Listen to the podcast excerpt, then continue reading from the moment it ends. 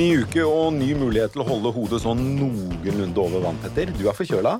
Jeg har fått et virus. Ja, det er ikke koronavirus? Nei, det, altså, det meste preller av på meg. Ja. Eh, men jeg var litt tung på løpeturen i dag. Det Du jeg var det, ja. ja. Men du løper likevel. ja.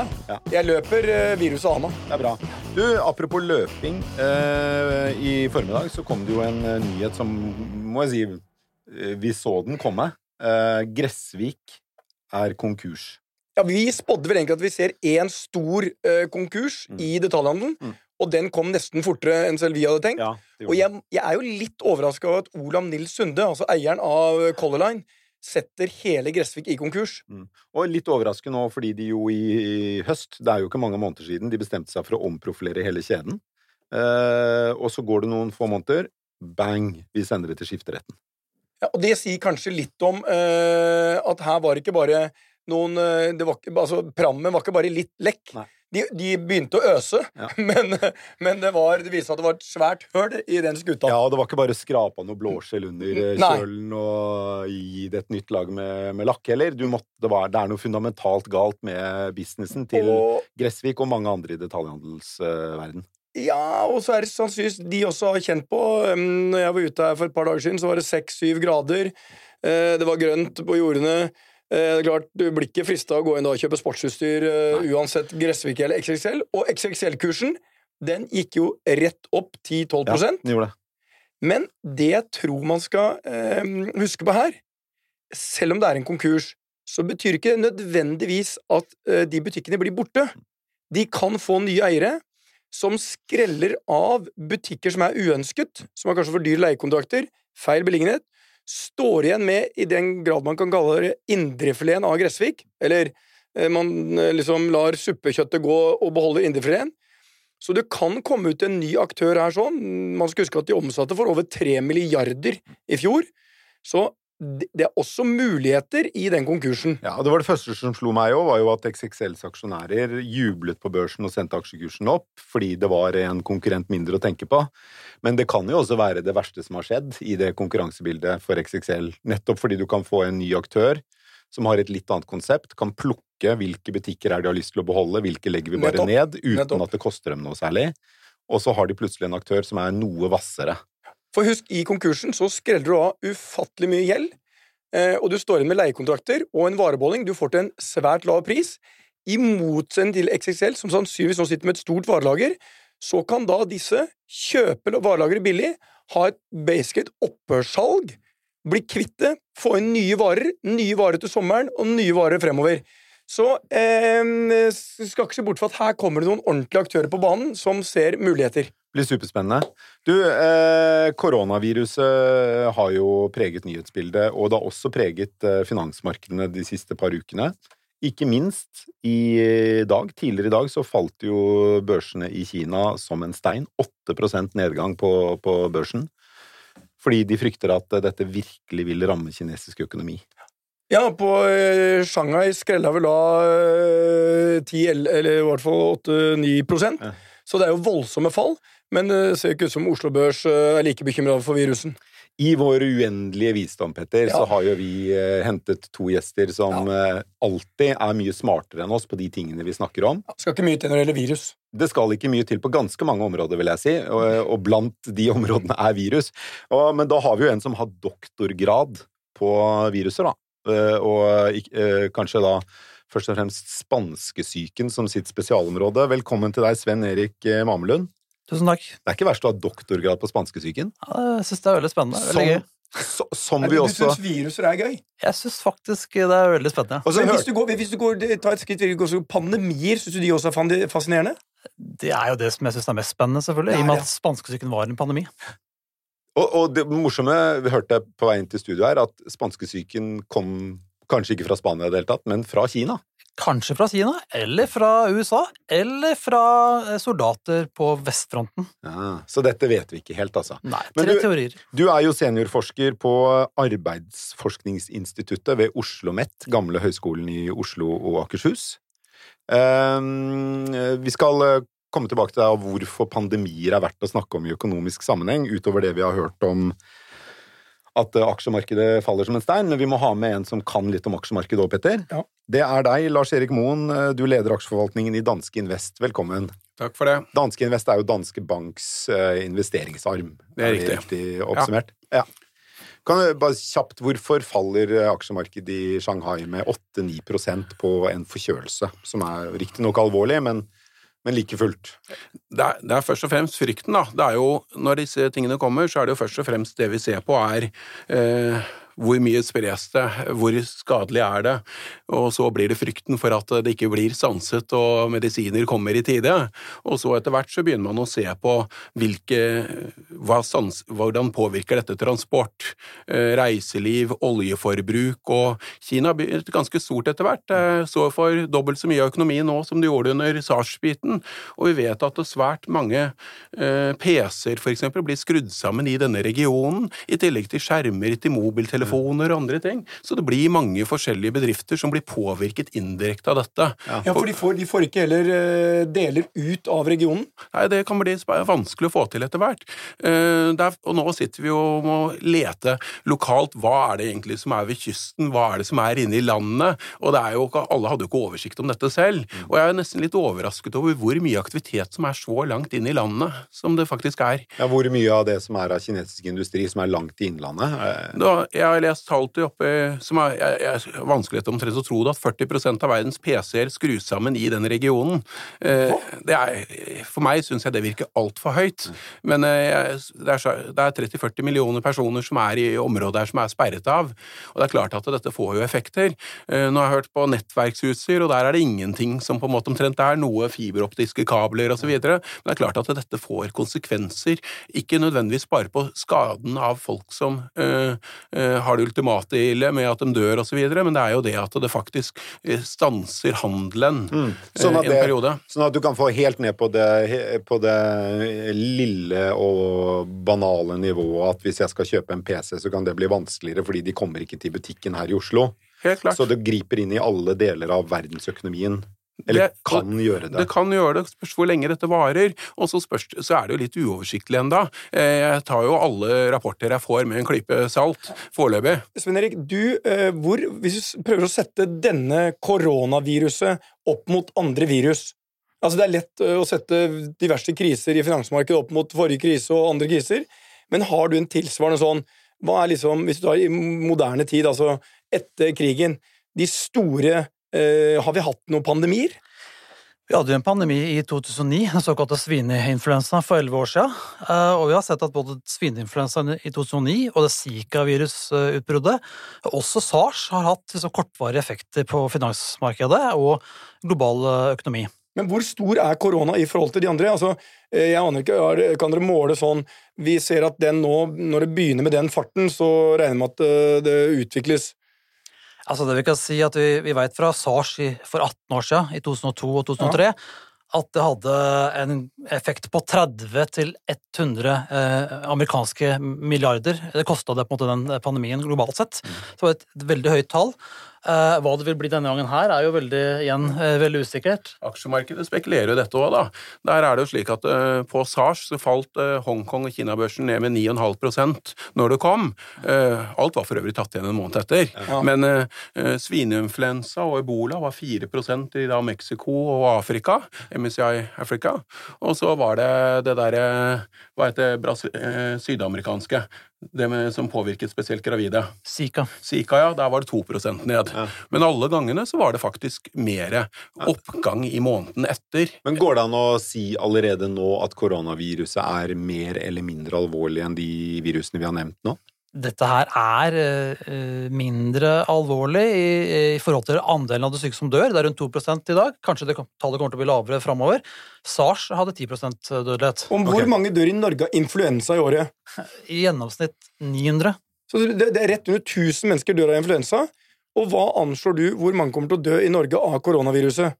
Du, her, Ja. her kommer vi med spådommer som uh, du må ta det rett fra Ingen hofta. bruker det mot deg seinere. Det er Nei. Det ser ut som at det nå begynner å bli mer lignende på influensa, det her, egentlig, i smittsomhet, enn en dette koronaviruset som forårsaka SARS.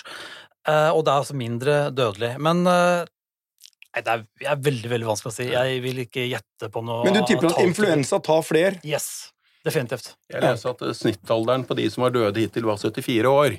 Mm. Og så vet du at den trekkes ned av syke personer som er yngre, som er dødd. Ja. Så det er klart at dette her er noe som rammer de svakeste. Så hvorfor er vi da så bekymra for dette? Hvorfor snakker vi så mye om dette? Det er nok fordi at eh, det er et helt nytt virus. Eh, og influensa det er noe vi har hvert eneste år. Vi kjenner til det. Vi veit at vi kommer til å ha en vaksine på plass. Det har vi ikke mot det viruset her, og heller ikke antivirale midler, altså legemidler som kan dempe symptomer og sykdomslengde. Det er derfor vi på en måte er engstelige. Jeg må bare spørre deg om en ting. For jeg tar influensasprøyte hvert år. Hvordan vet de eh, eh, hvem influensatype som kommer, og at de har sånn at hvem som helst kan egentlig gå og få en influensasprøyte?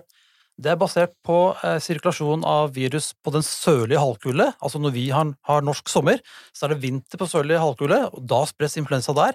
De virustypene som spres der, eh, er en del av den vaksinen vi får da et halvår etterpå.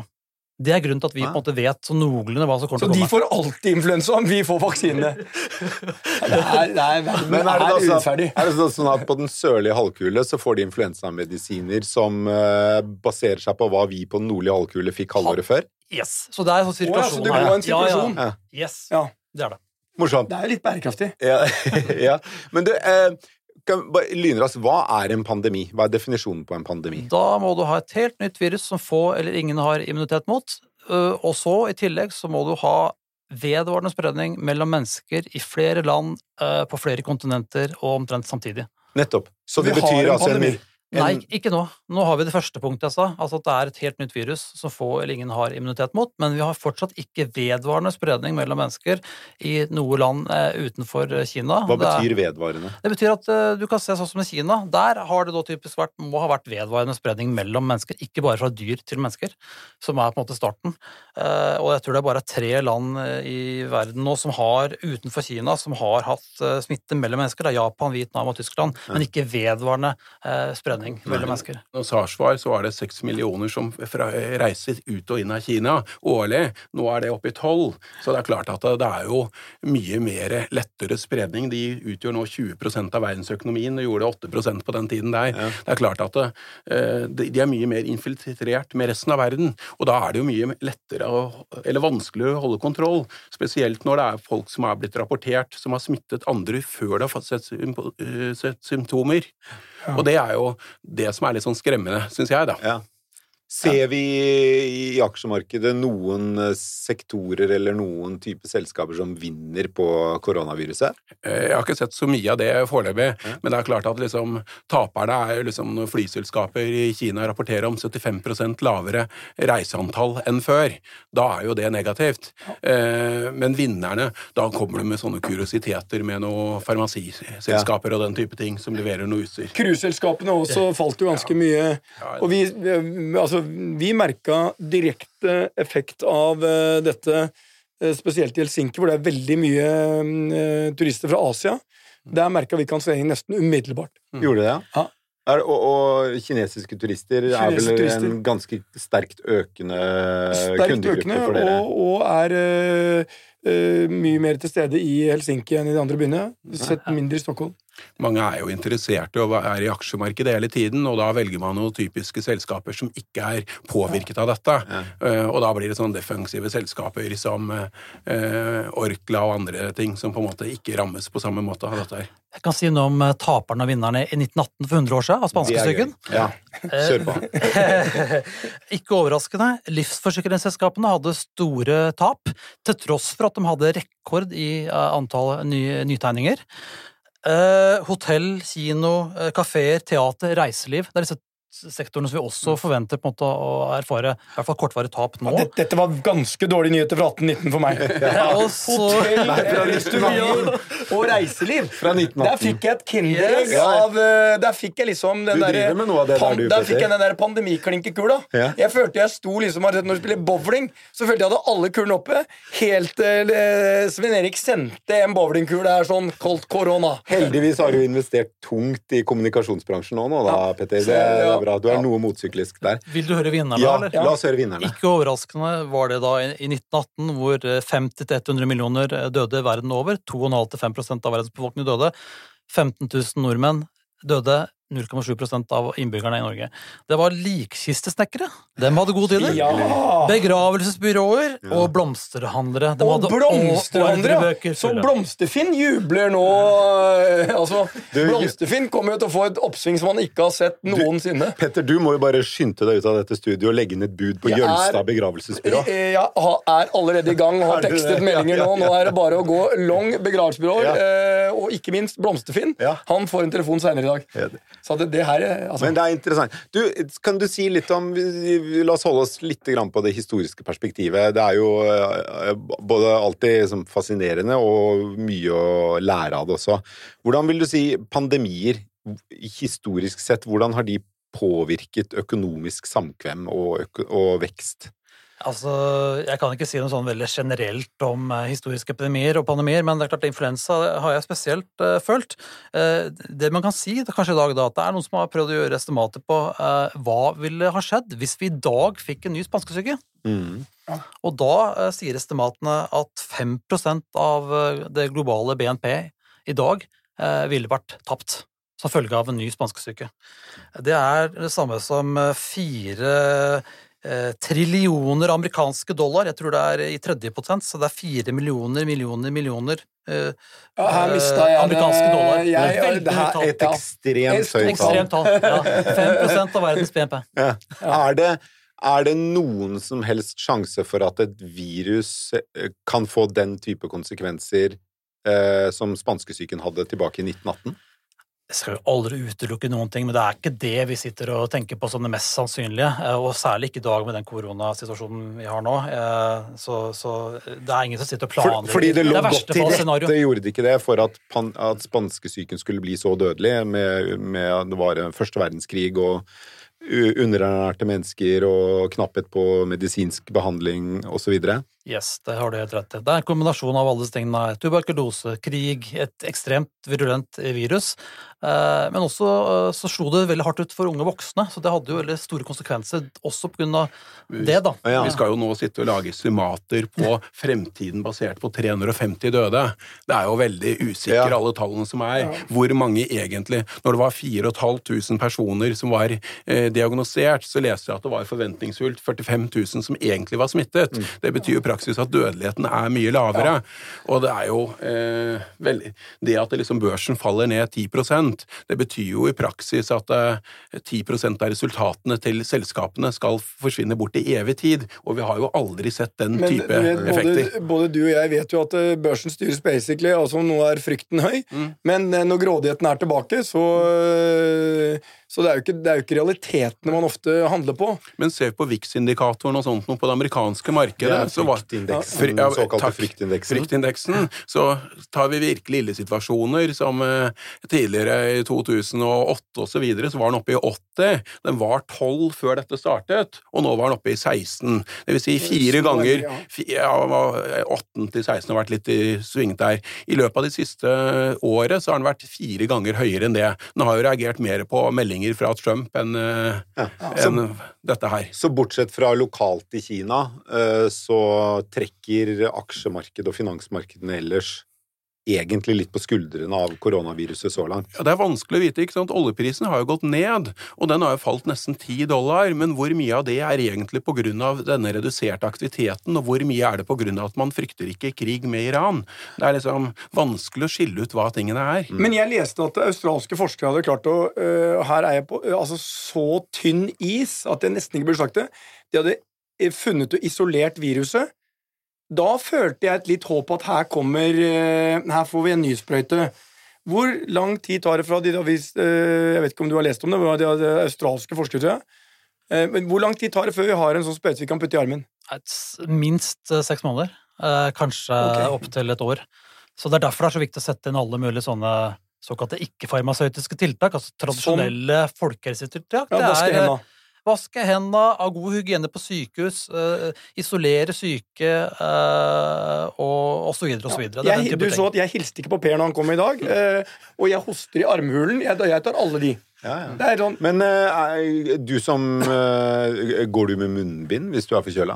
Nei. Du gjør ikke det? Det er først og fremst for at folk som er syke, ikke skal smitte andre. Men Så- når, du, når du er syk bruker Nei, jeg gjør det du ikke det? Altså. Nei, jeg har aldri gjort det. Tenker du det er litt unødvendig Ja, jeg tror ikke det er Man prøvde det i 1918 også, og jeg, jeg tror ikke det virker så veldig godt i dag heller. Det er ikke noe, det er ikke noe Verdens helseorganisasjon spesielt anbefaler at folk skal gå rundt med munnbind. Heller ikke norske helsemyndigheter gjør det. Jeg leste at det viktigste måten folk blir smittet, var via hender og ansiktet og hva de tar på, og det på munn er så forsvinnende liten andel av smittebiten. Og det funker under syketransporter og andre ting hvor du har full konsentrasjon på å ikke gjøre noe spesielt i seg selv, men for vanlig hverdags vi glemmer oss, og vi tar oss i øynene, og vi blir smittet uansett. Så det er ikke der du får den store effekten. Du, Lars Erik, Er ikke dette noe av det som er morsomt med å jobbe med aksjemarkedet sånn som du gjør? At du plutselig må du kunne en del om sånne ting? Ja, ja. Jeg, jeg, jeg har to eh, Jeg har ett spørsmål til hver av dere når det gjelder konsekvenser av det som skjer. Og det er sånn eh, Hvis du var eh, Hvis du var eh, Hva heter han? Xi Jinping? Xi Jinping. Eh, Presidenten i Kina. Xi Xi. Jinping. Ja. Ja, ok, du skjønner hvem jeg Ja. mener? Mm. Hvis du var eh, Da, da tar vi Sven Erik først. Hvis du var han for én dag, eh, hva ville du gjort da for å eh, begrense skaden? Gjort mye av det som jeg allerede snakka om i stad når det gjelder klassiske folkehelsetiltak. Jeg er ikke sikker på om jeg hadde stengt ned en hel by for å? Nei, jeg tenker på de som de må, de, de må jo bli livredde, de som sitter der. Blir det massespredning av sykdom og dødelighet i Wuhan? Det, det vet vi jo ikke. eh, For de må stenge ned en hel by på den måten her. Det er jo fordelen med å være diktator, at du kan Ja. gjøre sånne ting. Ja, han er ikke helt diktator. Eh, jo, han er det. Nå må Vi tar ikke den nå, Per. Men, Men, eh, men, eh, men, eh, og så eh, Da er spørsmålet til deg, Lars Erik. Eh, Han eh, var vel den som sto bak å tilføre markedet Var det 1600 milliarder dollar, eller hva er tallet? Eh, Hva hadde du gjort? Du er president, eller som Per så eh, treffende sa det, diktator. Det som vi i hvert fall har sett, er at eh, når du har SARS, så tok det seks måneder fra den på en måte første var påvist, til den på en måte begynte å lage en plan eh, når State Council hadde møte. Nå var eh, det, tok det ett og en halv måned, så nå liksom setter de alle tiltakene til grønn. Og det viktigste nå er egentlig at du klarer å begrense det mest mulig før du på en måte sprer seg utover, slik at man får medisiner. Jeg leste at i Thailand som har hatt positiv effekt av å kombinere hiv-vaksine og influensavaksine, og at det faktisk hadde helbredet folk. Og vi må jo huske på også at dette her er jo en situasjon hvor det er flere som har blitt friske av dette her, enn som har dødd. Eh, Det er jo klart at, Og det uten medisiner. Så det viktige er vel Nå har de kanskje gjort mer tiltak enn de fleste vestlige ville gjort. Så det er vel egentlig å prøve å få samfunnet til å gå litt normalt igjen også. De gjør skolestenging også konsekvent i Kina, og man har eksempler fra Hongkong hvordan man eh, stenger skoler. Det utsetter på en måte eh, epidemibølger eh, og toppen av de, og, og sprer tilføret utover tid. Det er hele poenget med på en måte sånne folkehelsetiltak, det er å spare tid før man kan lage vaksine. Nettopp. Så ok, så det høres ut som vi egentlig ikke behøver å være så bekymret for koronaviruset, da. Eh, Er det, er det greit oppsummert, eller? Jeg vil si Lars Erik var ganske optimist, Ja, og sånn Svein Erik var, øh, han mente at dette ikke er så stort problem. Ja. Men vi ligger litt feilvekta. Så hvorfor står vi her da egentlig og snakker om koronaviruset? Ja, nå har vi gitt masse Hvorfor- tips til uh, våre lyttere. Det jeg, det jeg lurer på, da, er det sånn at uh, det er bare en, et av uh, svært mange eksempler på at eh, markedene ikke er så rasjonelle som enhver siviløkonomstudent liker å tro? At eh, de reagerer så irrasjonelt på et virus som egentlig ikke tyder på er så farlig? Frykten har vist at man har gjort det hver eneste gang tidligere historisk. Så eh, ja, vil jeg si. Men jeg har et lite dikt på slutten her, Ja. som kan oppsummere. Veldig bra. Viruser kommer, viruser går, men stormkast består.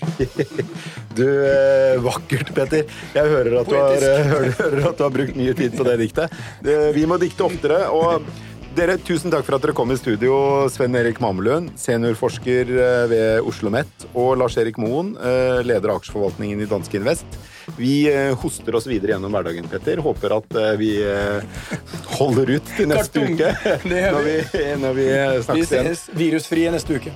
Truls Johansen har produsert sendingen. Takk for denne uken.